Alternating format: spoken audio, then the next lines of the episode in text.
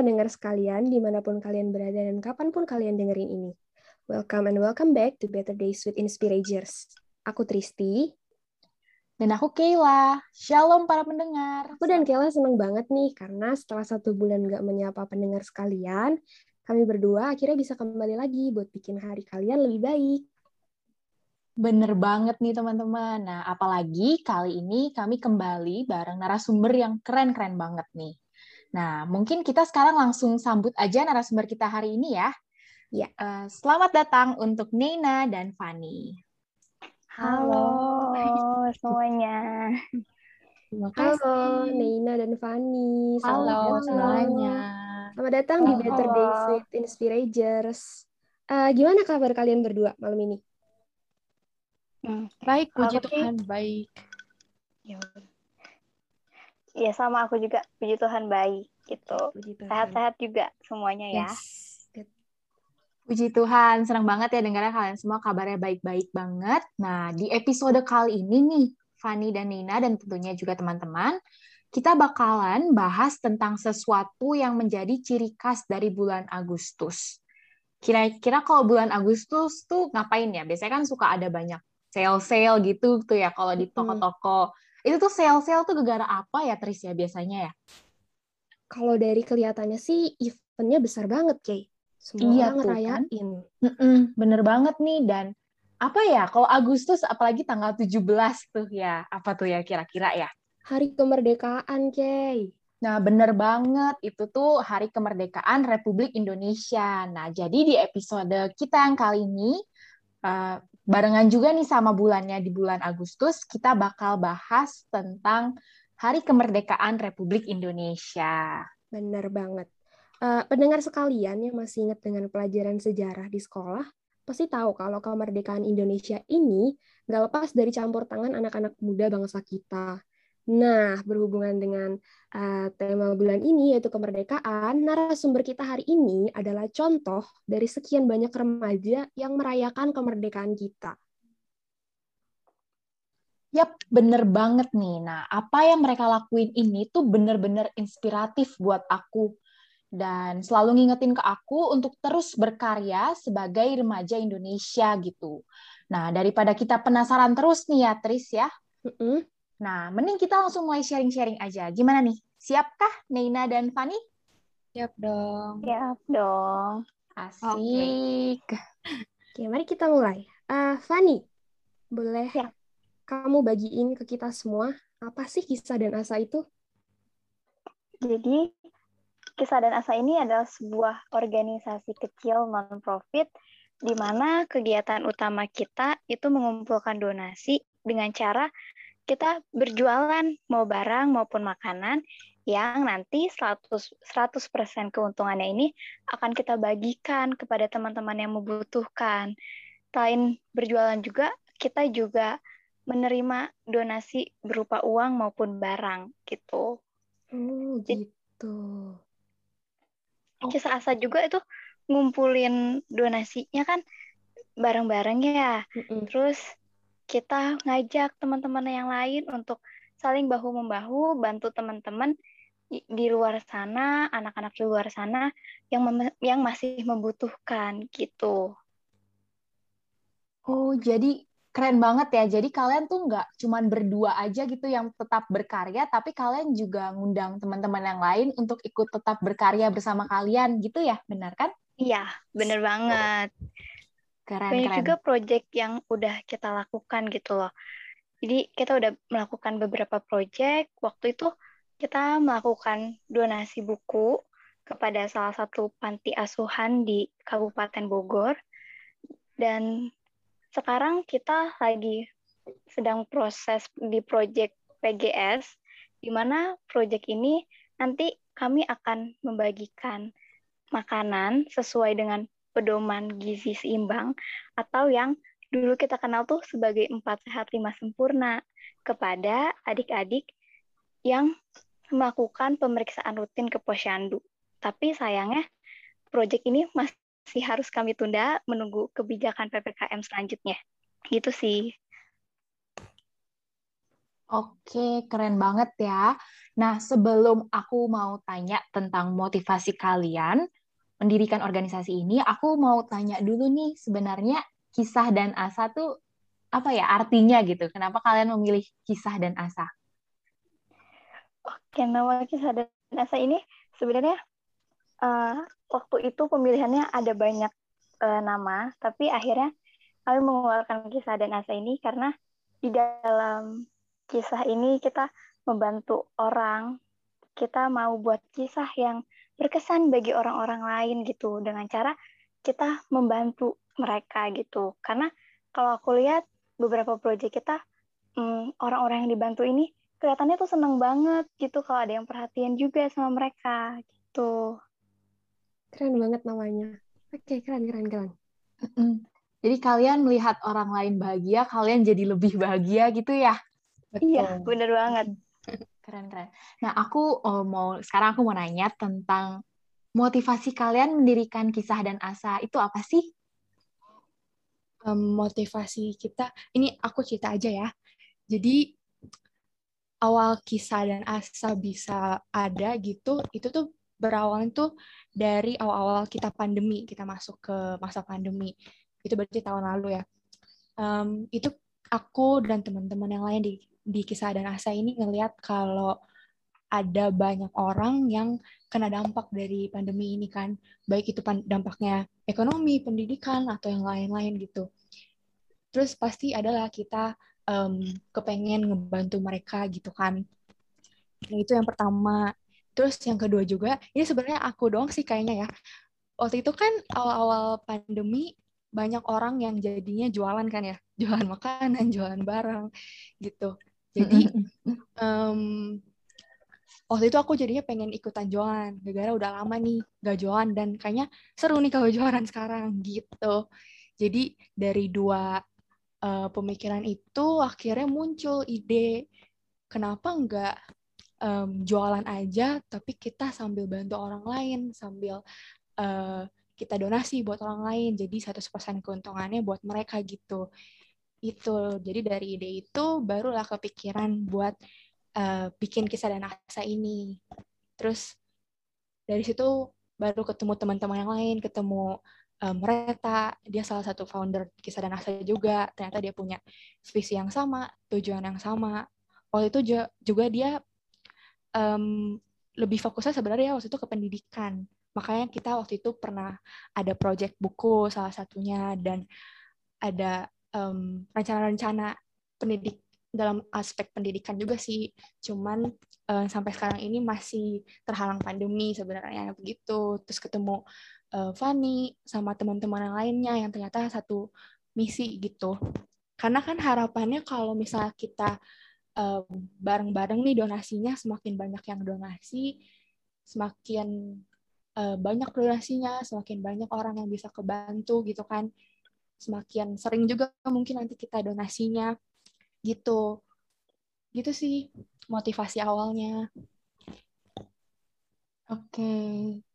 uh, eh, keren banget ya. Ini kalau dilihat tuh uh, nggak cuma Neina atau Fanny yang punya ide buat uh, bantu orang. Tapi kalau dilihat dari uh, membernya kisah dan asa ini banyak juga uh, teman-teman seumuran kita yang punya ide kenapa kita gak bantu orang uh, di masa-masa sulit seperti ini. Berarti kan uh, apa ya semangat untuk membantu orang lain tuh sebenarnya belum padam gitu dari generasi kita. Keren banget sih, keren, jujur keren banget.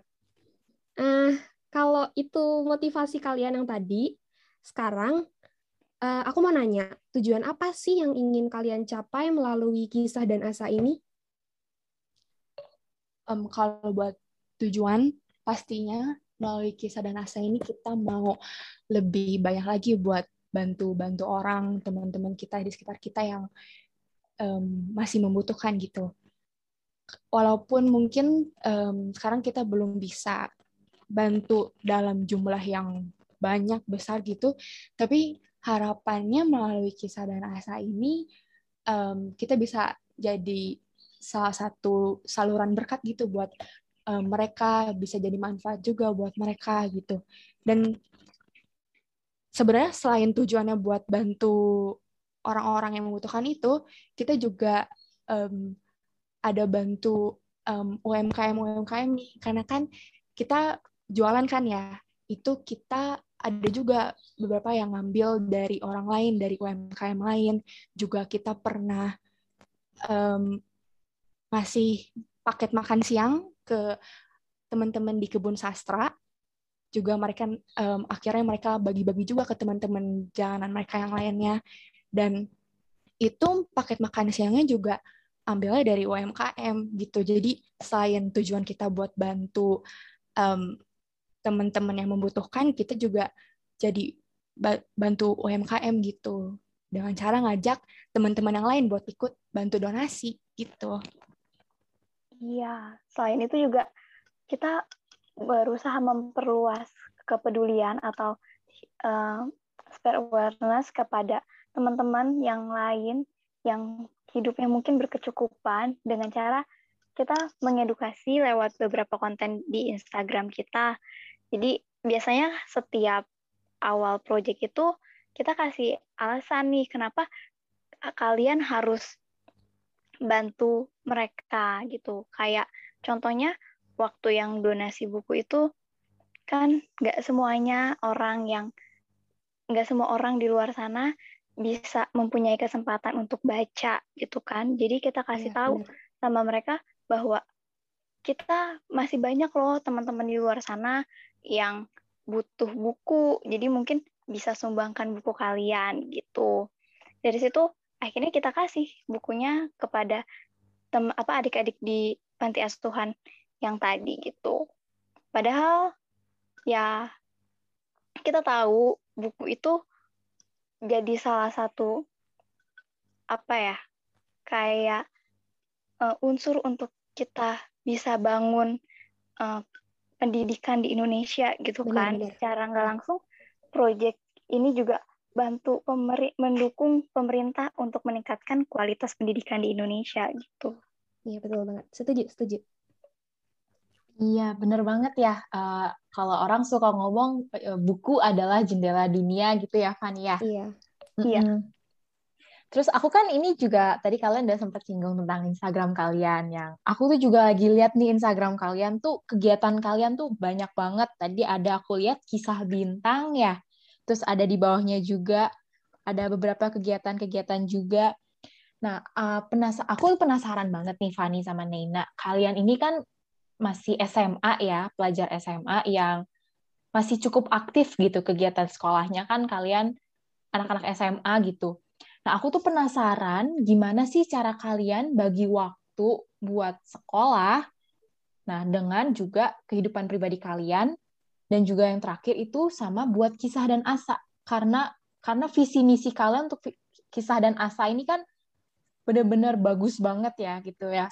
Nah, itu gimana cara kalian membagi waktu kalian untuk ketiga hal itu? Sekolah, kehidupan pribadi, dan juga kisah dan asa. Oke, kalau aku sih, kalau ditanya masalah gimana cara bagi waktu, jujur masih belum bisa menyeimbangkan hmm, semua itu. Kadang mau juga masih sering keteteran, tapi nggak punya juga uh, tips gitu supaya bisa bagi waktu yang benar itu gimana. Hmm. Kalau aku sih harus tahu dulu tanggung jawab apa dari tiap masing-masing kegiatan yang kita lakukan. Kalau kita tahu hmm. tanggung jawabnya, kita bisa bagi yang mana yang prioritas yang bakal jadi itu penting banget gitu loh dan dan mendesak juga atau yang tidak terlalu penting dan nggak terlalu mendesak juga dan selain itu juga nggak nggak nunda-nunda sih kalau memang kita punya tugas yang kita punya gitu. Hmm, iya hmm, benar. Aku sama sih kurang lebih sama Fanny. Um, aku juga sampai sekarang masih mencoba buat menyeimbangkan semuanya antara kisah dan asa sekolah, kehidupan pribadiku um, dan yang lain-lain gitu. Karena emang sebenarnya nggak gampang kan ya uh, kita ngatur waktu gitu. Ya, kita, mm, tapi yang menurutku yang harus diperhatikan itu uh, kita harus tahu diri kita sendiri dulu nih. Kita harus tahu um, kapasitas kita sampai mana batas kemampuan kita sampai mana. Jadi kalau misal kita udah tahu kapasitas kita nih, menurutku nanti jadinya um, selanjutnya kita jadi bisa um, pilah-pilah, milih-milih mana yang um, harus dikerjain saat ini, mana yang lebih jadi prioritas gitu. Karena um, sebenarnya nggak semuanya yang mau kita lakuin sekarang dan kita bisa lakuin sekarang itu harus dilakuin sekarang juga kan gitu. Jadi kita harus tahu um, mana yang lebih prioritas dulu. Gitu sih kalau aku ya. Hmm, jadi intinya uh, tahu kapasitas, terus bisa uh, setting priorities dan yang penting itu nggak menunda-nunda pekerjaan ya. Ya, benar banget. Ya, oke. Okay. Dan juga uh, mungkin aku mau tambahin uh, tadi uh, aku setuju banget sama yang Fanny sempat ngomong. Uh, dia bilang kalau misalnya kita harus tahu tujuan kita untuk apa. Nah, kan kalian tujuannya sangat baik ya untuk kisah dan asa ini.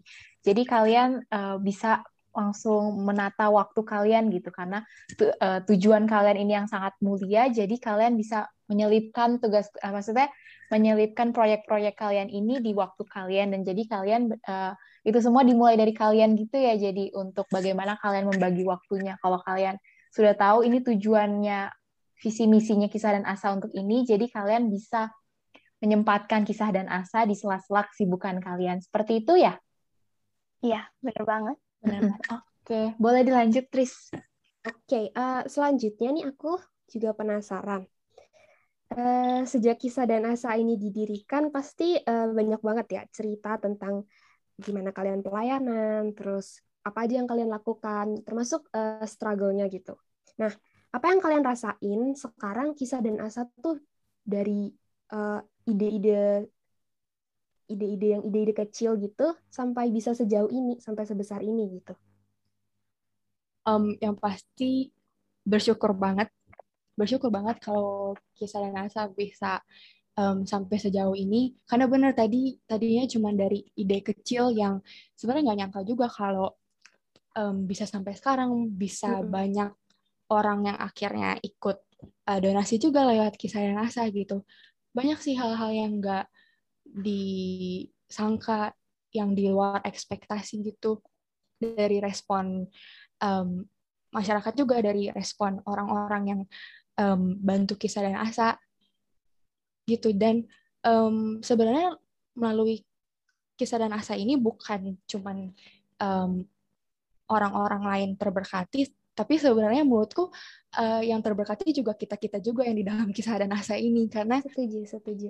Uh, jadi karena kita apa ya jadi banyak bersyukurnya jadi banyak sadar ya kalau sebenarnya um, masih banyak loh orang yang mau bantu sesamanya masih banyak loh orang yang um, peduli gitu sih.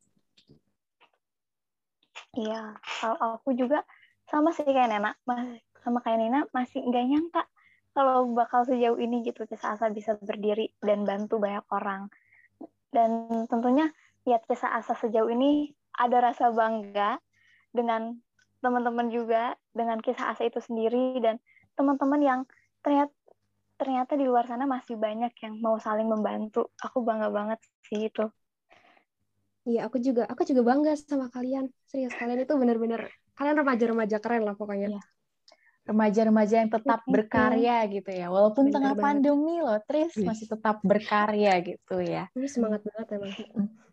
Terus juga uh, mungkin aku kalau boleh sampaikan uh, tadi yang uh, ternyata di luar sana masih banyak remaja-remaja yang masih masih mau membantu sebenarnya tuh kalau kita berhasil membantu orang, itu harusnya kita yang berterima kasih nggak sih? Karena kita berhasil membuat suatu kebaikan gitu.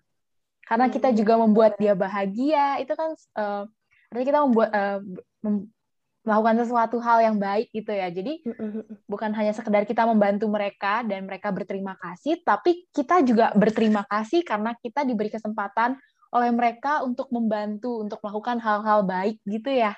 Yes, benar iya, banget. Benar banget. Nah, terakhir nih Fanny dan Neina, aku uh, mau tanya adakah pesan yang ingin kalian sampaikan kepada pendengar-pendengar di, di luar sana yang lagi mendengarkan podcast ini kayak pesan-pesan apa yang ingin kalian sampaikan kepada remaja-remaja di luar sana yang ingin juga melakukan gebrakan seperti ini gitu di tengah pandemi Dan kira-kira ada tips dan trik atau pesan apa gitu dari kalian berdua? Kalau pesan untuk teman-teman semua yang mendengarkan, kalau aku itu adalah lakukan lakukan aja hal baik yang memang kalian mau lakukan gitu. Jangan cuman itu jadi bahan pikiran kalian, jangan cuman itu jadi bahan halu ya kalian, tapi memang itu harus punya action gitu. Jangan cuma diem doang dan jangan juga cuma dipikirin. Tapi memulai itu jangan juga terburu-buru. Dipikir lagi apakah memang kita mau bantu orang itu murni karena keinginan kita atau ikut-ikutan ikut-ikutan doang gitu. Karena kan sekarang banyak kayak uh, kayak uh, seperti kisah Asa ini juga. Dan jangan itu jadi kalian kayak oh gue pengen uh, kayak gitu juga tuh bikin kayak gitu. Tapi uh, dasarnya aja udah salah gitu. Karena kalau kita nggak punya fondasi yang kuat itu bakal nggak bikin kita komitmen gitu. Karena tuh mau bikin kayak gini itu harus bisa korbankan waktu tenaga pikiran termasuk kesenangan remaja juga gitu kesenangan kita di masa remaja yang yang kita harus korbankan juga gitu. Iya benar banget. Uh, aku nambahin ya. Ini um, khusus juga buat teman-teman yang dengerin yang um, mau buat bikin semacam kisah dan asa atau platform lainnya yang sekarang lagi banyak-banyaknya ini um, kalau kalian mau bikin um, bikin aja. Itu um, bagus kalau kalian mau bikin karena ini sebenarnya juga salah satu um, upaya kita kontribusi kita sebagai remaja Indonesia ya buat um, kontribusi ke negara kita gitu. Tapi benar balik lagi tadi kita harus um, siap dari awal um, untuk mengorbankan segala sesuatu yang harus kita korbankan nantinya gitu. Dan harus komitmen dan juga balik lagi ke ngatur waktu. Karena kalau misalnya nanti kita jadinya um, keteteran dan nggak maksimal itu kan juga jadinya um, baik jadinya sayang juga. Gitu sih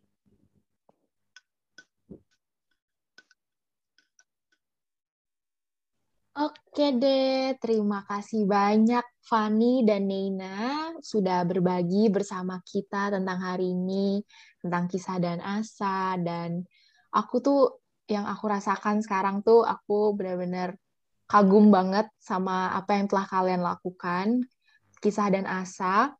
Itu uh, visi misi kalian dan cita-cita kalian tentang kisah dan asa itu keren banget, mulia banget lah ya kalau bisa aku ngomong dari kalian uh, mulai memikirkan idenya gitu.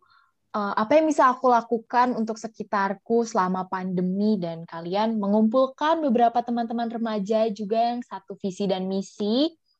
Meskipun jadi kita terpisah pandemi, tapi kalian tetap bisa mengumpulkan remaja-remaja yang satu visi dan misi dan kalian bisa membentuk suatu organisasi non-profit yang bernama Kisah dan Asa. Terus Kisah dan Asa itu juga kalian mengembangkannya secara 100% ya.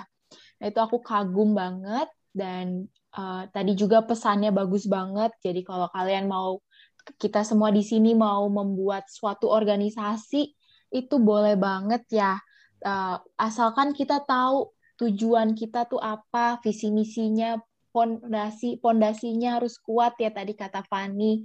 Kalau fondasinya kuat maka organisasi kita juga akan berjalan dengan lancar. Jadi itu aja yang aku aku rasa aku aku rasain apa yang aku dapatin dari tadi. Mungkin dari Tristi ada yang mau ditambahin Tris? Gimana Tris?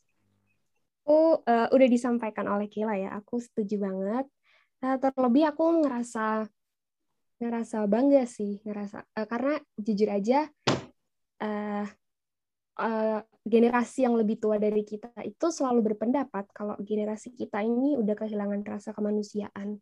Tapi aku yakin pernyataan itu tuh bisa dibantah dengan uh, fakta kalau sekarang tuh banyak banget remaja-remaja muda yang mereka tuh masih punya rasa kemanusiaan, terus nggak cuma punya ide, tapi langsung dilakukan gitu. Seperti contohnya teman kita nih, eh, Nina sama Fani. Mereka uh, pesan mereka yang tadi yang tentang jangan uh, cuman punya ide tapi jangan dilakuin. Nah, itu tuh menurut aku butuh keberanian juga ya untuk apa ya? Untuk melakukan sesuatu yang baik gitu. Padahal tuh aku tahu rintangannya pasti banyak banget, struggle-nya banyak banget, hal yang dikorbankan juga banyak banget, tapi teman-teman kita ini tuh punya keberanian gitu untuk melakukan hal yang benar. Uh, terlebih, terima kasih banyak uh, untuk narasumber kita hari ini, Nina dan Fani dari Kisah dan Asa, yang udah mau berbagi kisahnya dengan kita hari ini. Aku yakin pendengar di luar sana bakalan termotivasi dan terberkati banget dengan apa yang udah kalian bagikan hari ini. Ya, benar banget. Nah, kalau kalian penasaran lagi, uh, penasaran lebih lanjut tentang kisah dan asa, kalian bisa cek Instagram mereka di @kisah.dan asa. Nah, yaitu dicek ya teman-teman ya. Jangan lupa juga buat di-follow tentunya. Kisah.dan.asa. Uh, dengan begitu, episode hari ini resmi berakhir. Mari kita, remaja Indonesia, selalu ingat akan perjuangan para pendahulu kita untuk memerdekakan negeri ini dan terus merayakannya melalui apa pun yang kita bisa. Hal-hal sekecil apa pun yang dilakukan untuk kebaikan juga pastinya akan mendatangkan kebaikan. Terima kasih juga untuk para pendengar yang udah ngikutin kita di episode hari ini. Stay safe and stay healthy. Ingat untuk terus menerapkan protokol kesehatan, karena kita masih ada di tengah-tengah worldwide pandemic. Meskipun begitu, ayo kita tetap berpikir positif dan coba untuk sebar kebaikan di masa-masa sulit seperti ini. Contohnya seperti kisah dan asa tadi ya. Benar, aku Kayla. Dan aku Tristi. Kami berdua pamit undur diri. Sampai ketemu di episode selanjutnya. Dadah. Dadah.